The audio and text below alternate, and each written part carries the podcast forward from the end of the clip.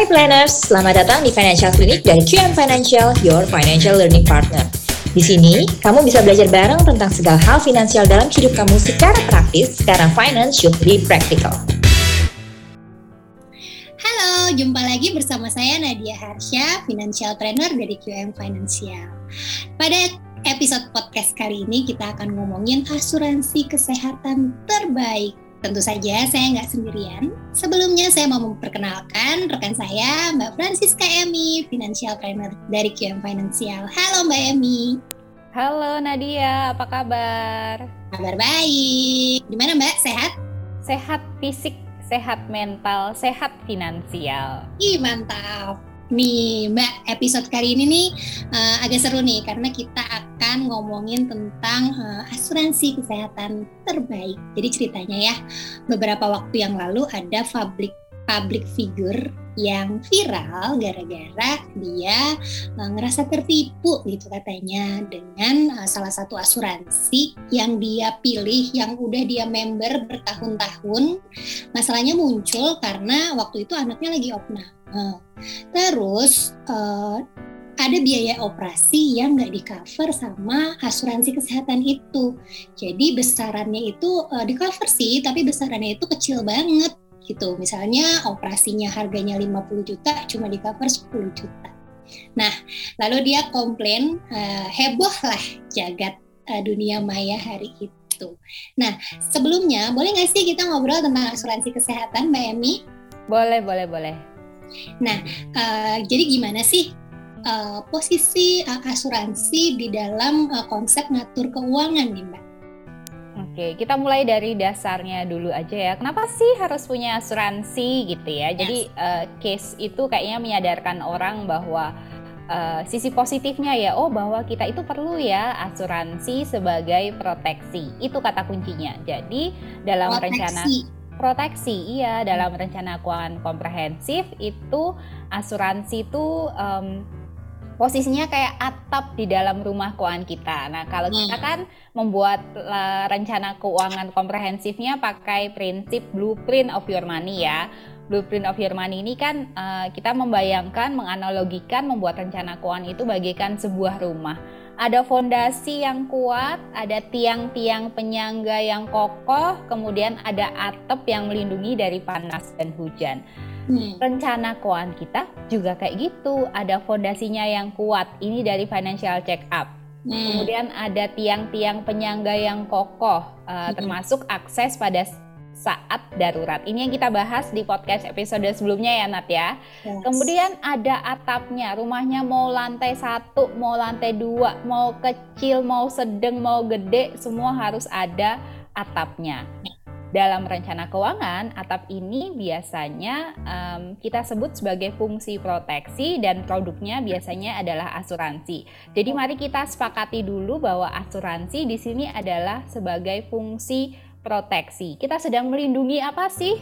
Melindungi diri dari sakit hati. Oh nggak bisa enggak, ya? Enggak, enggak. enggak ya, bukan ya gitu. Jadi uh, kita sedang pada saat kita membeli asuransi itu kita sedang mengalihkan resiko Yes. Hidup Karena kita, resiko itu bisa datang kapan aja ya Mbak, nggak bisa kita kontrol. Benar, dan hidup kita penuh dengan ketidakpastian, penuh dengan resiko gitu ya. Jadi uh, supaya bisa tidur lebih tenang gitu ya, lebih nyenyak, kita mengalihkan resiko-resiko yang bisa dialihkan. Apa saja?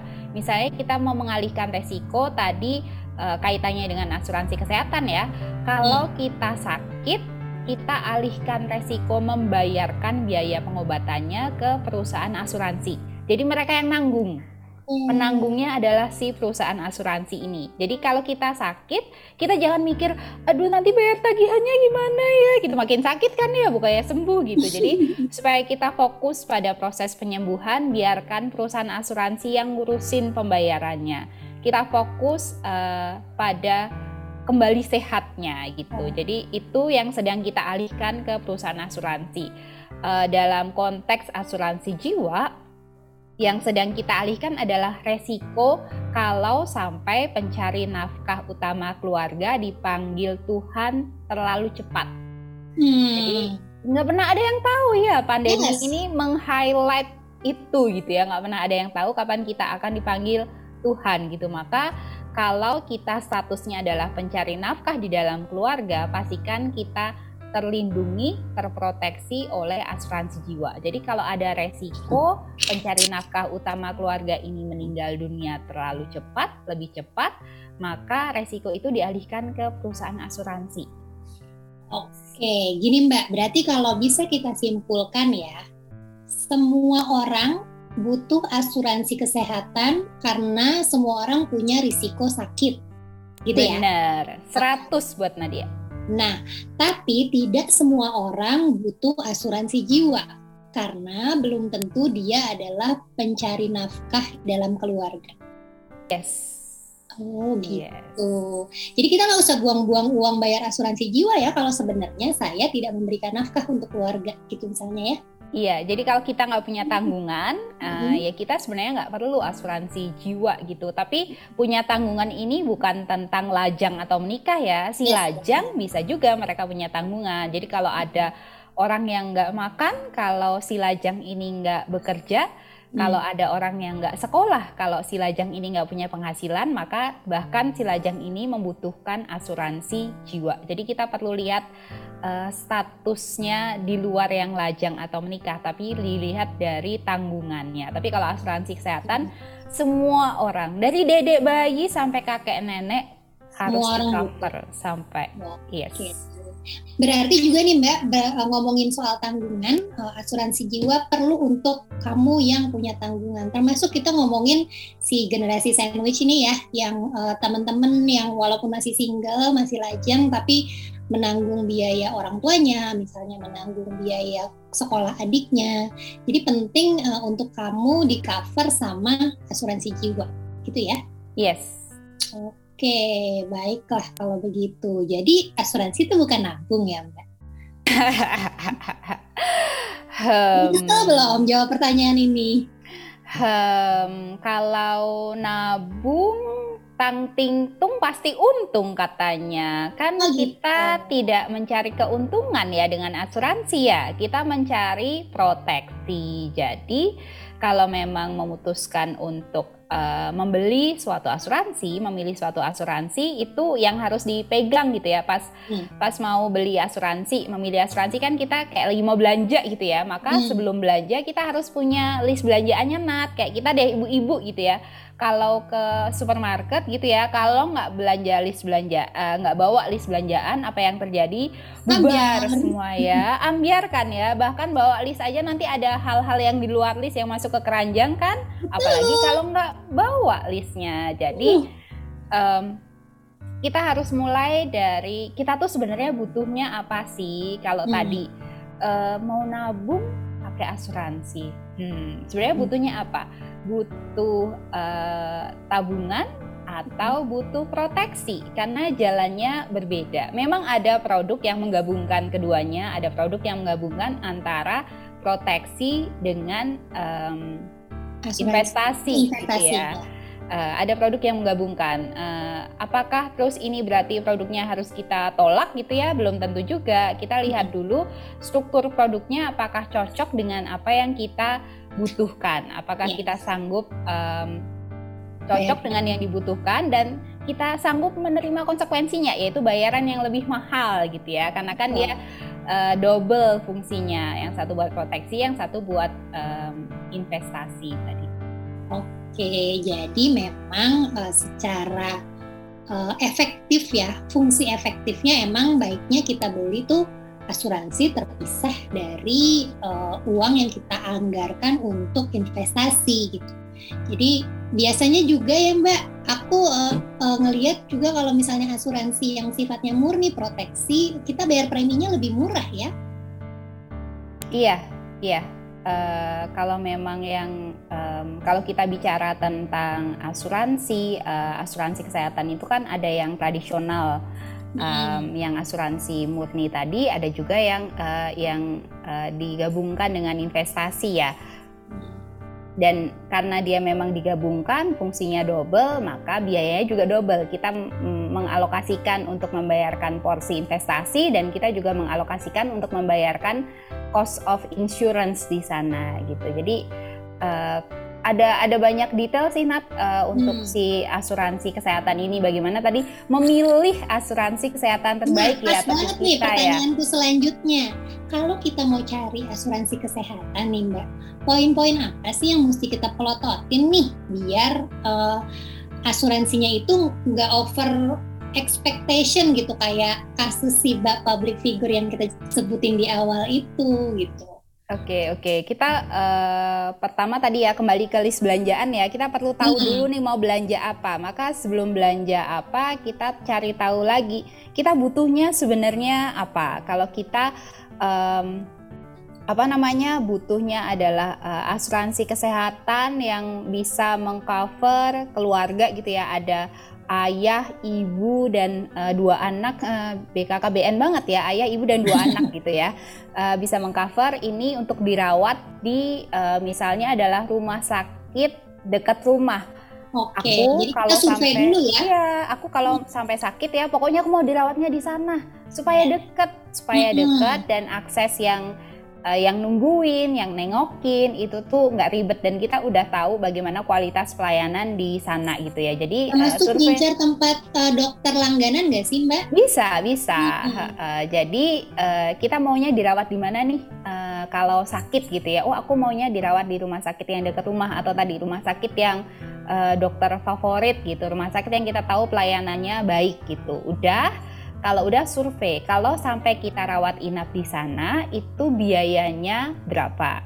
Uh, di kamar yang um, satu bed atau dua bed itu harganya berapa? Udah nih, uh, hmm. udah udah survei gitu ya, udah udah dapat. Oh berarti aku butuhnya adalah katakanlah setelah survei uh, satu untuk satu kamar satu bed itu harganya sejuta semalam gitu. Yes. Saya di sana sejuta semalam gitu. Kemudian uh, udah tahu butuhnya seperti apa, kita cek kemampuan bayar kita seperti apa, Nat.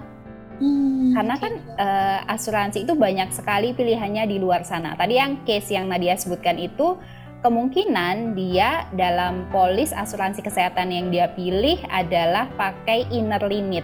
Jadi hmm, di cover tapi ada batasan di komponen setiap komponennya ada batasannya. Misalnya satu kali operasi di cover uh, operasi kecil misalnya di cover uh, 10 juta.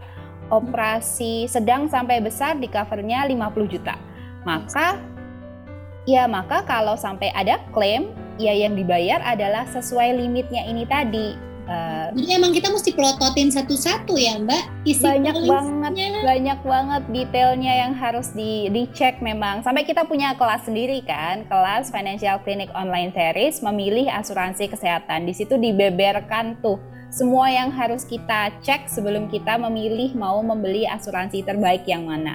Itu hmm. salah satu salah satu uh, apa faktornya tadi. Apakah kita mau memilih yang inner limit yang ada batasan di setiap komponen komponen tindakan, komponen kunjungan dokter, komponen obat itu ada limitnya di masing-masing. Opsi yang lain adalah outer limit. Yang setiap ya? Iya, setiap komponen nggak dibatasi, tapi ada batasan um, klaim di setiap tahun gitu ya. Ada ya. ada plafonnya, ada plafonnya hmm. di setiap tahun gitu.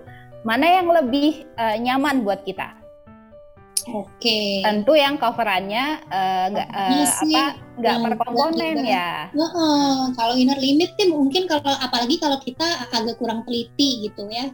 Jadi agak susah nih untuk kalau misalnya ketika mau klaim kepentok ini, kepentok itu gitu. Iya. Uh, Ada konsekuensinya tapi Nat. Yang outer yes. limit ini preminya lebih mahal daripada hmm. yang inner limit gitu. Baiklah Jadi, kalau begitu. Eh by the way Mbak ngomongin soal bayar premi ya uh, sebenarnya kita punya uh, batasan atau uh, rule of thumb berapa sih kira-kira kita mampunya bayar premi uh, per bulan ataupun per tahun untuk asuransi kesehatan ini? Oke, uh, untuk semua asuransi ya Nat ya, termasuk hmm. asuransi jiwa juga, oh, uh, itu batasannya adalah maksimal 10% penghasilan disetahunkan. Okay. Supaya kan kita dalam rencana keuangan komprehensif kan kita nggak hanya ngurusin asuransi aja ya.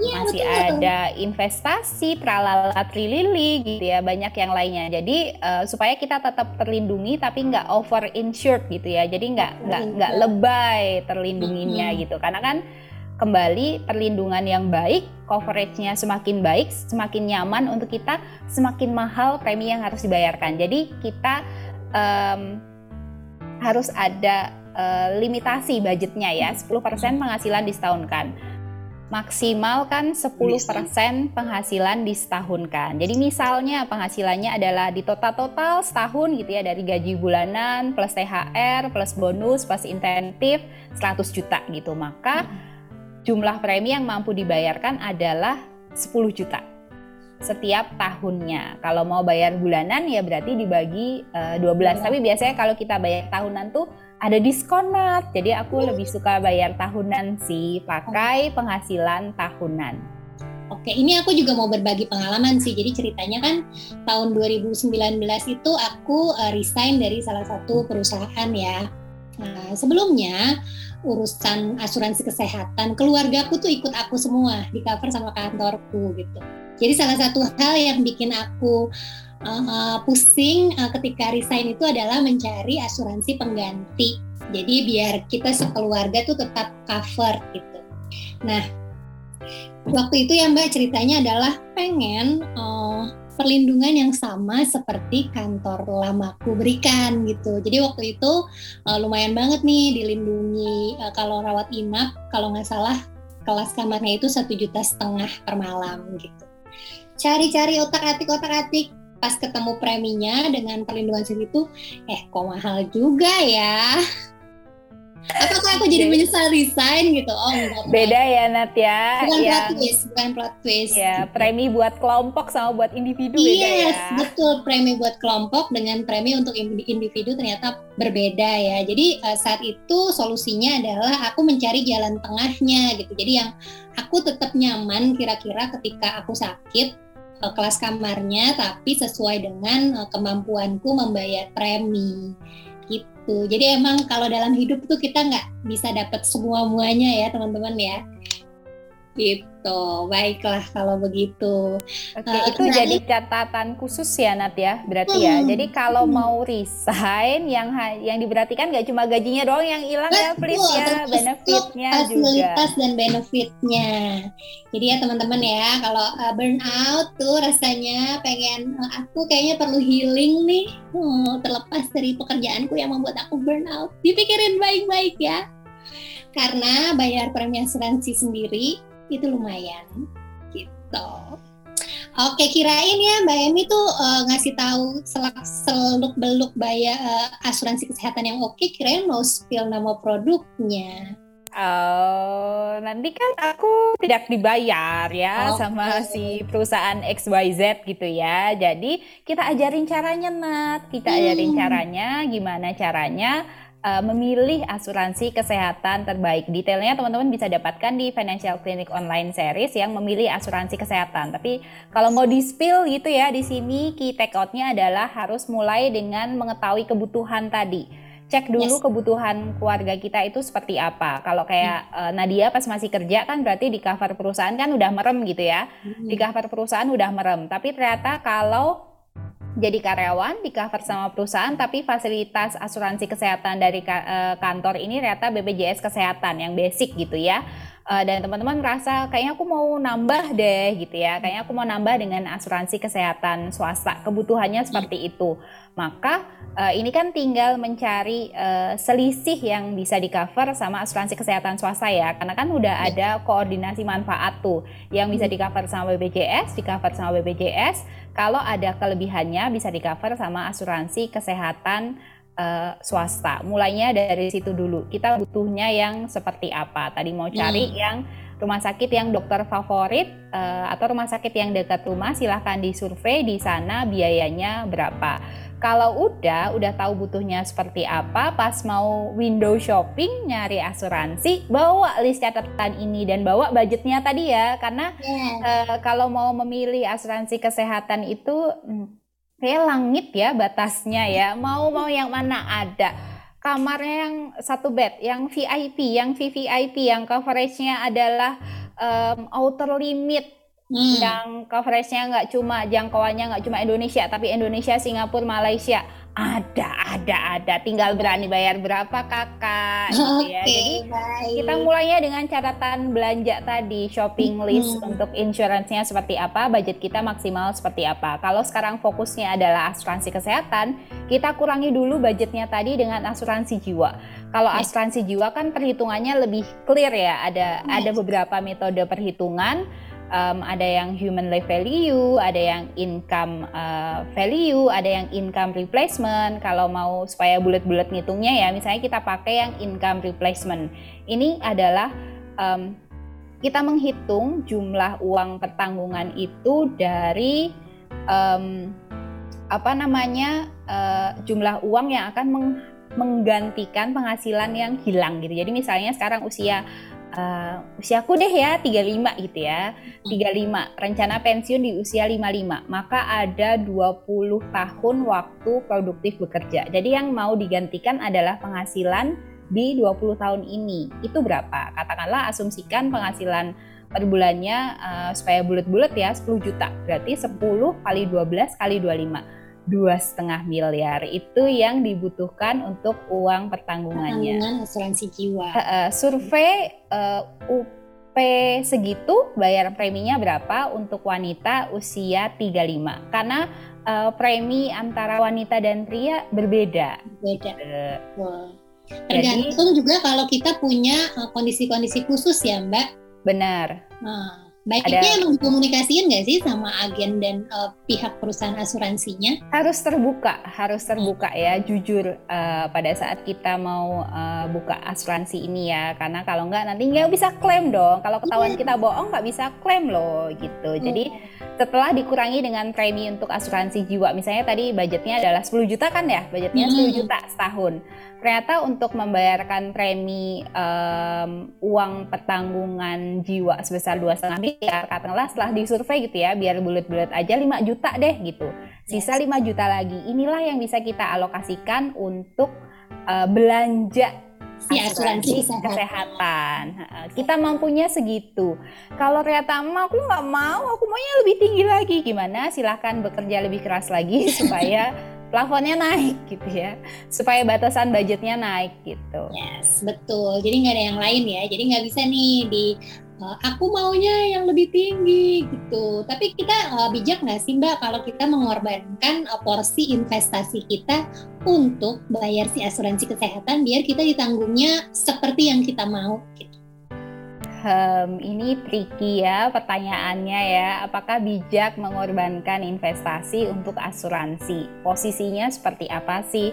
Sebenarnya kita eh, tadi kan percayanya bahwa rumah kita perlu dilindungi dengan atap gitu ya. Tapi kan atap ini kan ada pilihannya. Apakah mau pakai eh, genteng? Apakah mau gentengnya dilindungi dengan em, apa? Apa? pakai kaca, pakai Pakai berduri. kaca panas, Bo, gitu ya. mau dilindungi dengan eh, apa ya? Misalnya ya gentengnya mau yang model yang seperti apa? Ada ada banyak Hmm. opsinya, ada banyak rentang eh, harganya gitu. Jadi yang penting kan kita punya gentengnya aja dulu nggak sih gitu ya. Kan nggak harus genteng yang dilapisi emas 24 karat berat ya gitu. Jadi eh, bahkan genteng ini pun ada level-levelnya gitu ya. Proteksi tadi kan yang kayak mau belanja asuransi kan mau yang em, cukupan ada, yang mahal banyak gitu. Kamu eh, kalau ditanya kalau ditanya maunya seperti apa kan kita maunya yang terbaik gitu ya. Tapi eh, terbaik itu apa? Kita perlu definisikan ulang terbaik. Jadi terbaik ini adalah yang pertama sesuai dengan kebutuhan, yang penting dia cover kebutuhan kita. Kalau rawat inap ada perusahaan asuransi yang menanggung biaya pengobatannya. Lalu yang kedua adalah sesuai dengan kemampuan bayar kita. Kalau memang belum nyaman gitu ya, yang kayak eh, kayak Nadia tadi ya, ya tadinya dibayarin kantor nyaman banget, begitu bayar sendiri kok mahal ya. Jadi akhirnya menurunkan ekspektasi kan ya Nat ya, karena eh, karena kita sadar ini tuh baru satu unsur dari rencana keuangan. Masih ada unsur yang lain yang tadi adalah investasi dalam eh, proteksi. Yang penting itu kita punya proteksinya. Jangan sampai eh, apa namanya? Jangan sampai under under uh, protected jangan sampai over gitu. Kayak dangdut yang sedang-sedang saja gitu ya. Adalah tim dangdut yang sedang-sedang saja uh, ya uh, kita tim tim dangdut gitu. Dalam investasi gimana? Apa konsekuensinya kalau kita mengorbankan porsi untuk mendapatkan asuransi yang nyaman walaupun kita sebenarnya agak memaksakan diri? Konsekuensinya apa? Kalau kita uh, menurunkan porsi untuk investasi demi si asuransi yang nyaman ini, konsekuensinya adalah um, yang pertama kita menunda investasi gitu ya. Menunda investasi berarti kita rugi waktu. Hmm. Karena waktu adalah teman terbaik pada saat investasi.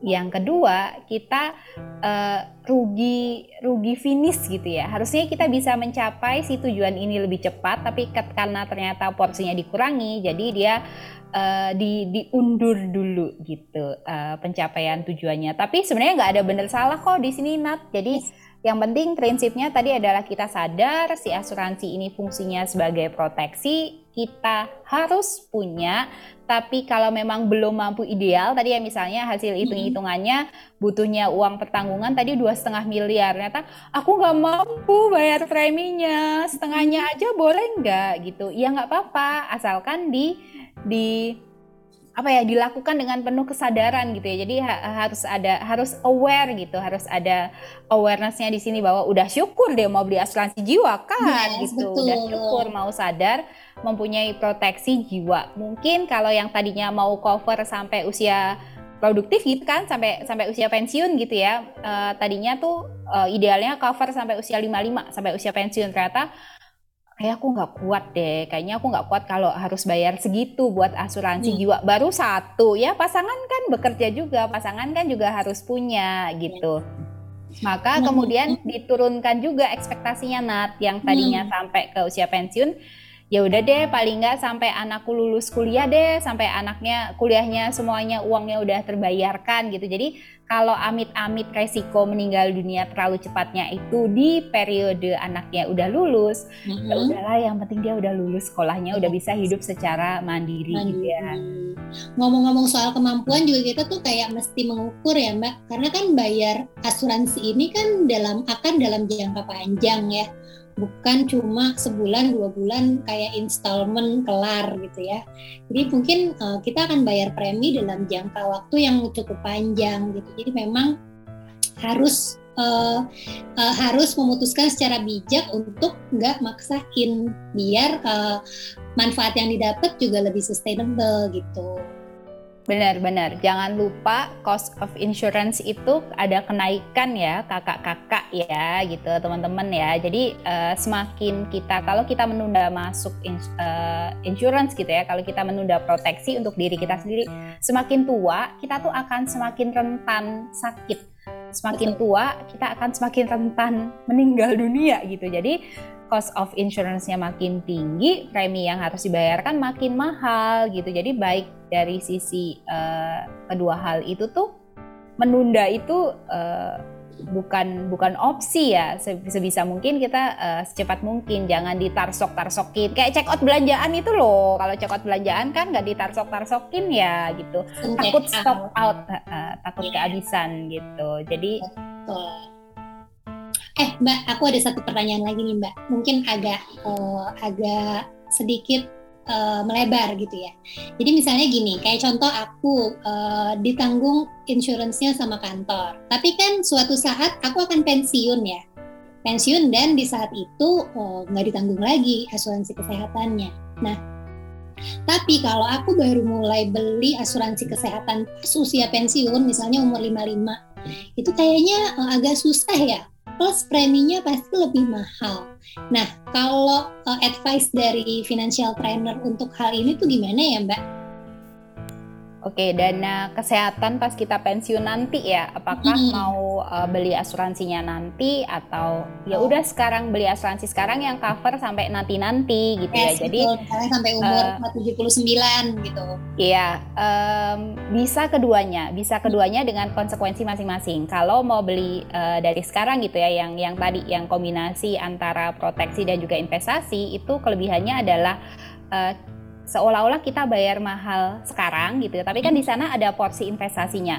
Nah, hmm. porsi investasinya inilah yang nanti akan bisa mengejar kenaikan cost of insurance. Jadi uh, ada kayak kayak udah kayak udah uh, udah bikin cadangan gitu ya uh, udah colong start di depan udah ada duitnya udah disisihin dari awal dalam bentuk um, si produk yang mengkombinasikan antara proteksi dan investasi ini yes. konsekuensinya mahal bu gitu ya lebih mahal preminya gitu opsi kedua adalah kita memilih untuk menyiapkan uh, semacam dana darurat kesehatan sendiri dengan hmm. asumsi kan kalau um, udah pensiun tetap di cover sama BPJS kesehatan kan? Paling nggak yang basic-basic udah di cover. Tapi kita uh, uh, kita menyadangkan yang uh, yang yang nggak di covernya, yang kelebihannya gitu yang nggak di uh, yang nggak di cover sama BPJS kesehatan kita cadangkan dalam bentuk dana kesehatan pensiun. Uh, ini keduanya adalah opsi bisa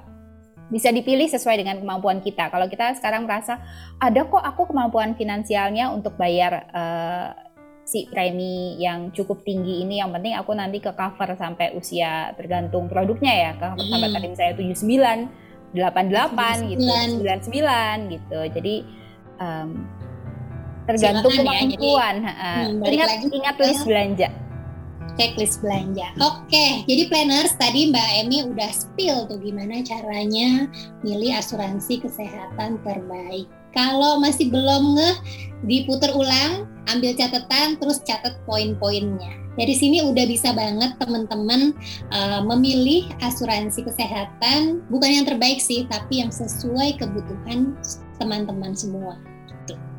Oke, okay, um, closing statement Mbak Emi mengenai asuransi kesehatan, apa yang mau disampaikan kepada teman-teman planners?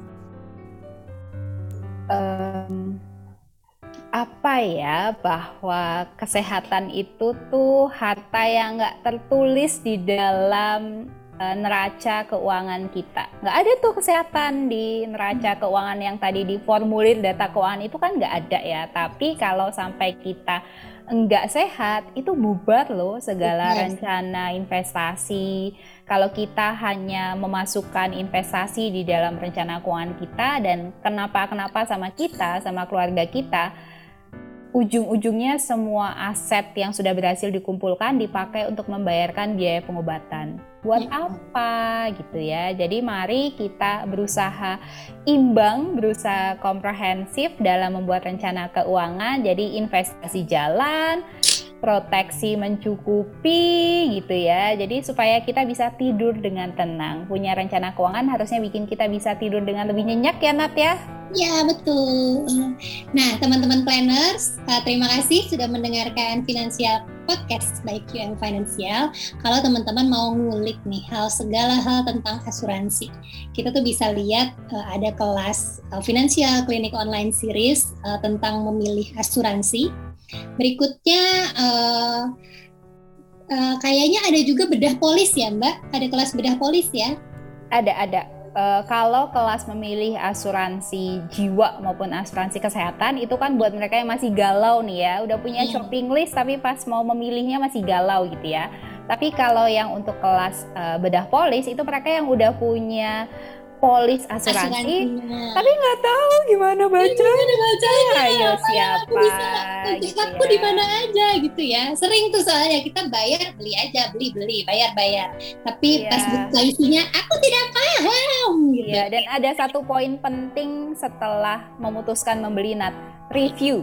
Jadi oh. kalau kita kembali ke case yang di awal tadi, itu kan dia uh, si si si uh, public figure ini merasa udah bayar bertahun-tahun kok ya ndak sesuai dengan yang dia ekspektasikan gitu jangan-jangan lupa di review jadi mungkin dulu 10 tahun yang lalu si 10 juta untuk suatu operasi ini cukup yes. 10 tahun kemudian dengan adanya inflasi, inflasi udah nggak cukup lagi. Dapat lagi operasi. Jadi memang penting untuk teman-teman melakukan review. Oke. Okay uh, obrolan kita seru banget tentang insurance kali ini di episode podcastnya QM. Teman-teman terima kasih sudah mendengarkan uh, untuk informasi tambahan. Tenang aja, QM nggak pernah pelit untuk bagi-bagi ilmu.